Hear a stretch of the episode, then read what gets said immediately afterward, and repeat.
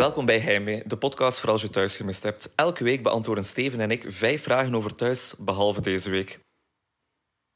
Want Steven is gaan wandelen in de Vogezen. En omdat ik denk dat een monoloog minder goed zou werken en omdat een week zonder heimwee nog altijd erger is dan een heimwee zonder Steven, heb ik iemand uitgenodigd. Dag Thomas. Dag Karel. Uh, Thomas, welkom in deze historische aflevering. Want na uh, ook al een historische aflevering, twee weken geleden, toen hadden we onze honderdste aflevering, is er nu de eerste aflevering waarin een van de twee oprichters van deze podcast uh, verstek moet geven. En we zijn op zoek gegaan naar een vervanger en dat ben jij, proficiat. Dank u wel, ik voel me vereerd. je kijkt al lang naar thuis? Uh, zolang dat ik het mij kan herinneren, precies. Zo ja. met mijn ouders mee beginnen kijken en dan uh, voor altijd blijven volgen. Nog een belangrijkere vraag. Uh, luister jij ook al lang naar Heimwee?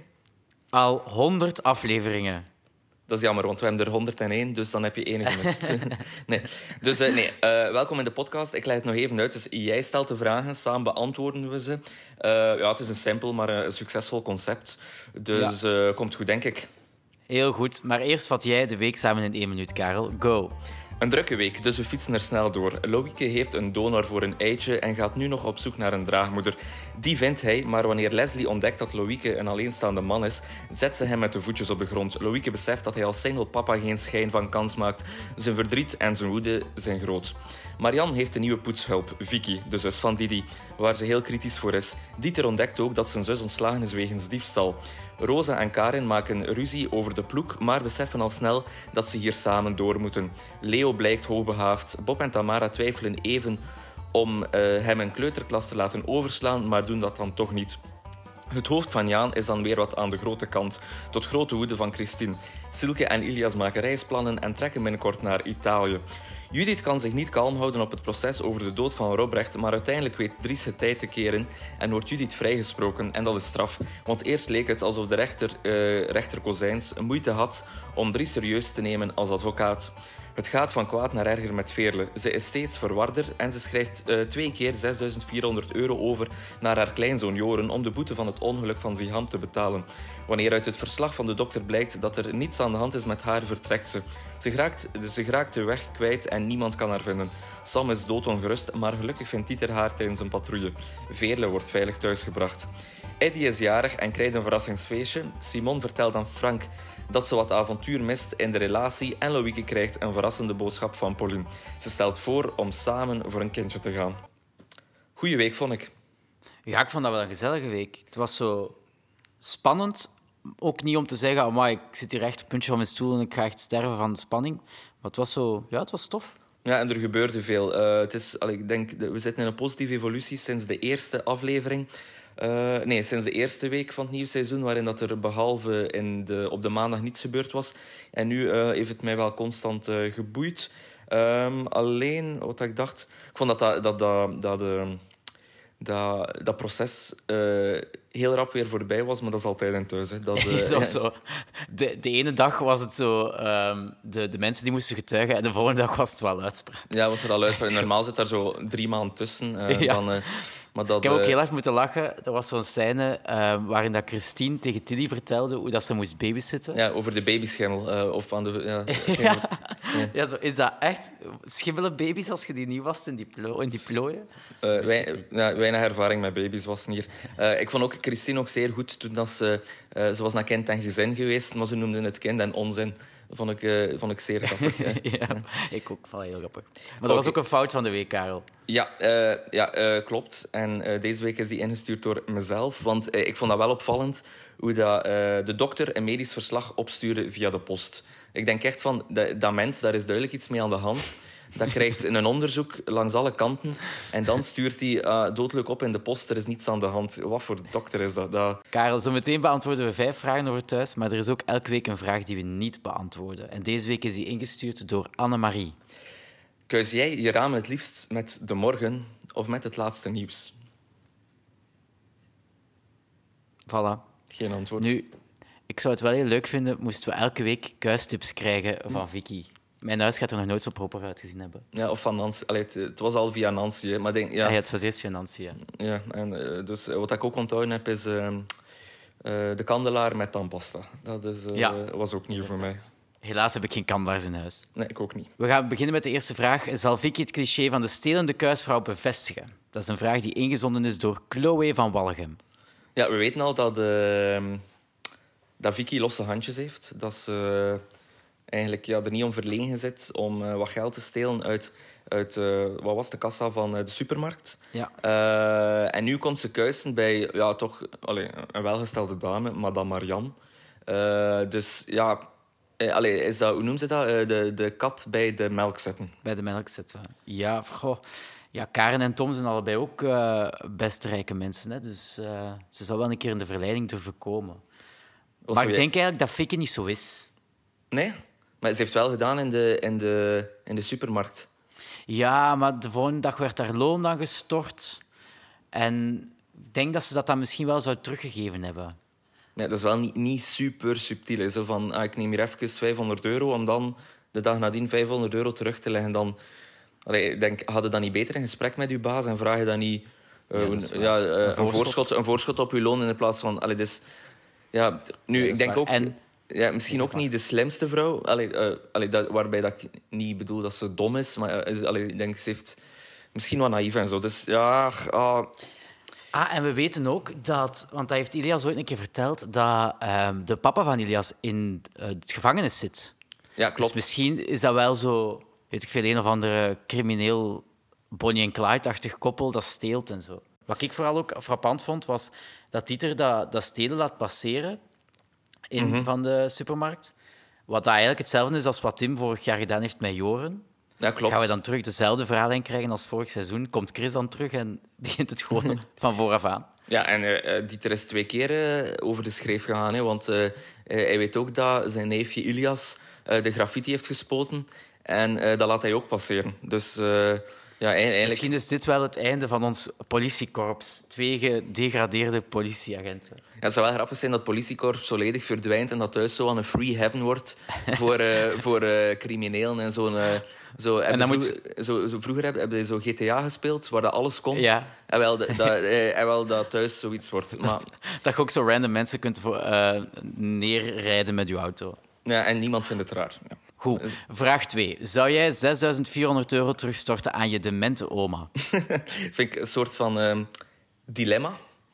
Omdat dus uh, uh, Veerle had per ongeluk twee keer 6400 euro gestort aan, ehm, aan Joren. Um, maar natuurlijk, ja, die, allez, ze is officieel nog niet ge, heeft ze de diagnose dementie nog niet gehad. Maar mocht jouw oma nu zo'n bedrag twee keer storten, zou je eerlijk zijn? Ja, toch. Ja? Dat stuurt, dat, ja, dat stort je toch terug? Niet? Ik weet dat niet. Ik, denk, ik zou denken, uiteindelijk wordt het toch mijn geld. Dus bedankt, bedankt voor maar het voorschot. Het is ook niet duidelijk hoe, hoe rijk dat, dat Veerlen is of zo. Ja, als hij zomaar 6400 euro kan missen... Allee, dat, dat, is, dat is nu toch ook niet weinig. Nee, dat is wel waar. Maar ik was uh, wel blij dat ze terug thuis gekomen was, want... Ja, dat is zo wat creepy. Zo'n zo demente vrouw on the loose. Allee, voor hetzelfde geld belandt hij ergens in de gracht en allee, vinden we haar nooit ja. meer terug. Uh, ja, ik denk dat dat wel nog heel zielig gaat worden. Zo. Uh, ja, ik denk, uh, nu, toen ze thuis kwam, zag je wel zo in haar ogen het besef van dat er iets... Allee, ze beseft wel dat er echt iets mis is met haar. Dus ik denk dat nu ja. zo de, de verhaallijn we gaan op zoek naar... Uh, allee, nee, we gaan op zoek naar de oorzaak van die... Daar is geen oorzaak voor. Maar we gaan, uh, allee, we gaan op zoek naar de diagnose, dat die nu wel gestart is. Dus... Ehm, ja, dat was ook wat duidelijk. Hè. In, de, in de, zo, de trailer die altijd mm -hmm. na thuis zit, zei ja. ze dat ook. Hè? Ja. het ding is... Ehm, ja, ik, ik zei het vorige week al tegen Steven, of de week daarvoor ja, ik denk, allee, ik, ik zie toch misschien dat, dat zo het rusthuis Winterlicht uh, toch zou het kunnen terugkeren dan. Want uh, iemand suggereerde dat ook opnieuw uh, op on, via ah, ons ja. Instagram-account. Had hij mee naar thuis. Ja, ik denk een keer als die echt die diagnose krijgt, dan gaan, ja, ik denk niet dat, dat Tim en Sam het gaan aankunnen om en voor een kleuter die blokfluit en drum wil doen, en voor een demente bejaarde te zorgen. Dus ja, daar gaat wel een keuze moeten gemaakt worden. Nee, nee, de revival van Winterlicht zit eraan te komen. Dan kunnen ze die boekenclub ook daarin een keer gaan organiseren. ja, klopt. En Rosa daar graag van eerst keer bij. Groetjes. ja, maar ja, Rosa is, is toch zo zorgkundig of zo, dus ik kan daar gewoon gaan werken. exact, exact. Vraag 3. Heeft Tom de rechter omgekocht? Ehm, ja, ik, eh, dat, dat was ook een vraag die, maar ik, weet niet meer door wie, die ook was binnengekomen eh, via ons eh, Instagram-account, at hij naar thuis. Ehm, en eh, ja, ik vond, eh, er hing een rare vibe in die rechtszaal. Maar ofwel Ja, lag dat aan waar, mij, ja. ofwel lag dat niet aan mij. Maar zo de, ook zo uh, dingske, ehm, hoe noemt hij? Ehm, eh, Dries was ook niet super gelukkig. Allee, zo, hij voelde precies dat er iets niet klopte. Maar sowieso, het, boterde wel niet heel goed met hem en die, die rechter. Hè. Nee, hij stond zo wat, wat zwak of zo, vond ik. Hij stond er zo wat bedeesd bij, terwijl dat hij eigenlijk wel een advocaat was en dus wel zo een, een, een goede positie had of zo. Mhm. Eh, Helene stuurde ook, is eh, rechter Kozijns een kleine racist? Eh, wat ik Ja. wel... ik volg die vraag, want zo, hij vroeg zo heel nadrukkelijk... U bent meester Van Aken. En, ook, en hij Ja. benadrukte ook in ons rechtssysteem... ja. En zo, bent u vertrouwd met het systeem in België? Zo? Dat soort, dat soort ja, dingen zei hij zo. ja, zo in België, inderdaad. Dat, eh, Ja.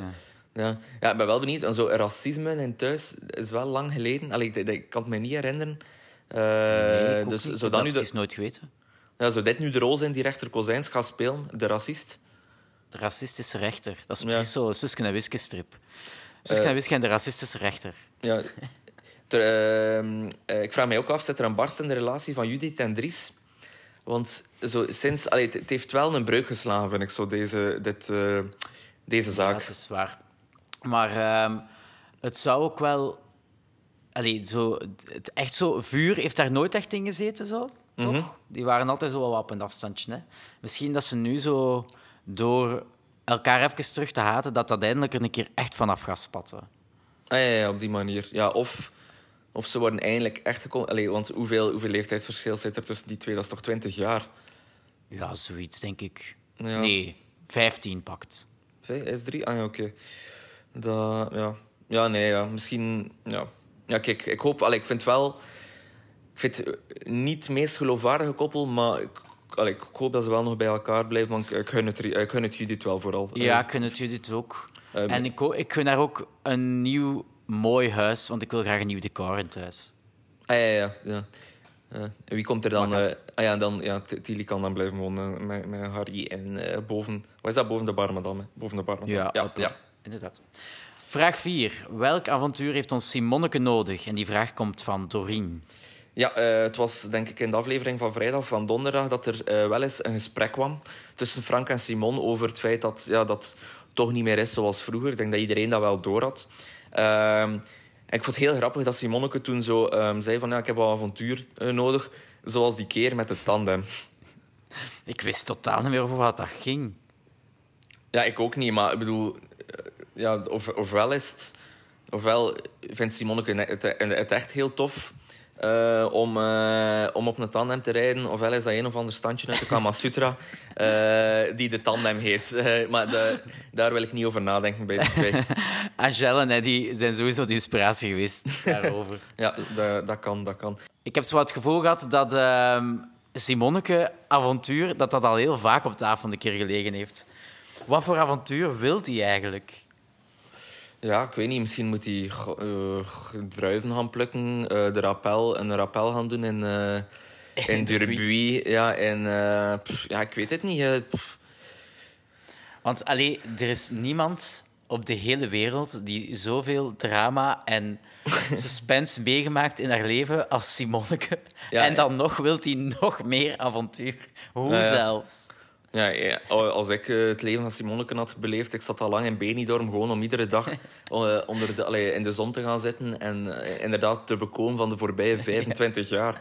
Echt, Ehm, Misschien kan Simonneke zich laten omscholen tot verpleegster en kan ze gaan werken in winterlicht. om Dingske te gaan verzorgen, om madame. Marianne en Veerle te gaan verzorgen. Ja. ja, het enige wat ik nog dacht is, ja, misschien komt de kapitein toch nog terug hè, dan, als Simonneke zo... Maar, of misschien eh, vraagt Simonneke, eh, allee, vraagt Simon eh, zo, ehm, toestemming aan Frank om avontuurlijke dingen met de kapitein te doen. Dat is, ja, ja, ja, ja, ja. Een soort van polygamie of zo in thuis. Ja, maar denk, ja. Nu, ik denk niet dat Frank... Allee, Frank heeft al Ik ging zeggen, ik denk niet dat Frank ervoor open staat, maar hij heeft uiteindelijk ook wel aanvaard dat zijn zoon een, uh, een dochter geworden is. Dus ik denk, uh, als je het maar lang genoeg erin kneedt, dan lukt het wel. ik denk wel dat Frank nog wel ergens grenzen heeft. Mm -hmm. Vraag 5. Profiteert Pauline van Louieke om haar eigen kinderwens in te lossen? Ja, we weten natuurlijk dat Pauline... Gelukkig staat ze niet in het leven. Ze heeft al veel meegemaakt. en dat haar eierstok en haar baarmoeder zijn weggenomen. Dus uh, een kind krijgen kan die nooit meer doen. Dus ik vraag me af, wil hij nu echt helpen? Of ruikt ze hier nu een kans om eigenlijk haar eigen probleem op te lossen? Ja, zij is natuurlijk al tien jaar bezig met aan een kind te geraken. Hè? Mm -hmm. Maar die... Ah, weet je wat dat is? Zo... Dat is erg om te zeggen, maar ik kan het daar niet. Nee, ik snap het. En ik cringe ook zo lichtjes van dat die altijd zus en broer tegen elkaar zeggen. Want ik wil altijd zeggen, nee, jullie zijn dat niet. Doe normaal. Mm -hmm. dus dit is zo een nieuwe fase in dat soort relatie die ik niet zo leuk vind. Ja, vooral broer en zus. Je moet dan vooral rekening mee houden. Stel, uh, want die zal ooit vrijkomen, Julia. Hè, die dan, uh, is dan eigenlijk de oma van dat kind. Maar Julia heeft ook ooit Luc proberen te vermoorden. Dus de papa... dus dat, dat, is, dat is echt... Dat, dat is zo'n kruising ja. tussen Luc en Julia. Dus dat is echt gewoon de, de meest meanest baby op heel de wereld. Ja, nee, want het is met een eitje... Ah nee, het is wel met zaad natuurlijk van Louis. Ah, en, een, ja. en, en, een eitje van een donor. Dus eigenlijk wel niet. Eigenlijk daar, en ook, dan heb je Pauline, die dus moeder wordt. Dan heb je Louis al. En dan heb je dus nog twee vrouwen. Want je hebt nog een eitje nodig en je hebt nog een baarmoeder nodig. Dat is gelijk heel thuisdorp dat voor één kind aan het zorgen is. Ja, klopt. Ja, en dan is dan is de mama ook de tante. En, uh, want, want de broer... Allee, dus, ja, nee, het zou, het zou te fucked up zijn om... Uh, het is eigenlijk zo gewoon zo één ras thuiskind aan het maken. Zo, het is zo'n sociaal experiment. Zo, ja, en, uh, ja. en dan, uh, doen we het, dan doen we het leren fraksken aan trekken het... Allee, zo, ja, dan... Uh, nee, nee. Ja, kijk, we zien wel waar dat eindigt. trouwens, ja. nou, om nog even terug te komen op Loïke. Die okselvijvers waren wel gigantisch. Wat was dat? Welke regisseur heeft dat bedacht? Van kom, laten we daar even een, een emmer water over kappen. Dat lijkt dat echt. Ja, ik denk als, als ze die scène niet hadden opgenomen, was het droogtetekort in Vlaanderen opgelost of zo. dat is dan dat water echt beter kunt besteden. Uh, dat denk ik. Kijk, we zitten aan uh, 18 minuten, Thomas, ongeveer. Dus uh, ik denk dat het genoeg geweest is voor deze week. Ik hoop... Allez, niet omdat ik het slecht vond met u, maar ik hoop vooral voor Steven, uh, zijn vrouw en zijn kinderen, dat hij uh, levend uit de Vogezen geraakt uh, van zijn wandeltocht. En dan zien we wel weer wie dat er volgende week in deze podcast zit. Is Steven, is het jij, is het nog iemand anders? Is het het ongeboren kind van Pauline en Louis? het kan alle kanten uit. Wat een dus, avontuur. Een nieuw yes. avontuur voor Simon. Uh, een nieuw avontuur voor... Ja, misschien Simon. misschien is een, een podcast uh, het avontuur dat Simon nodig heeft. Uh, we gaan het, ja. waarschijnlijk nooit weten. Dit was Hij mee voor deze week. Als jij ook een vraag hebt, laat het dan weten via ons Instagram-account @heimee naar thuis. Bedankt om te luisteren. En tot volgende week.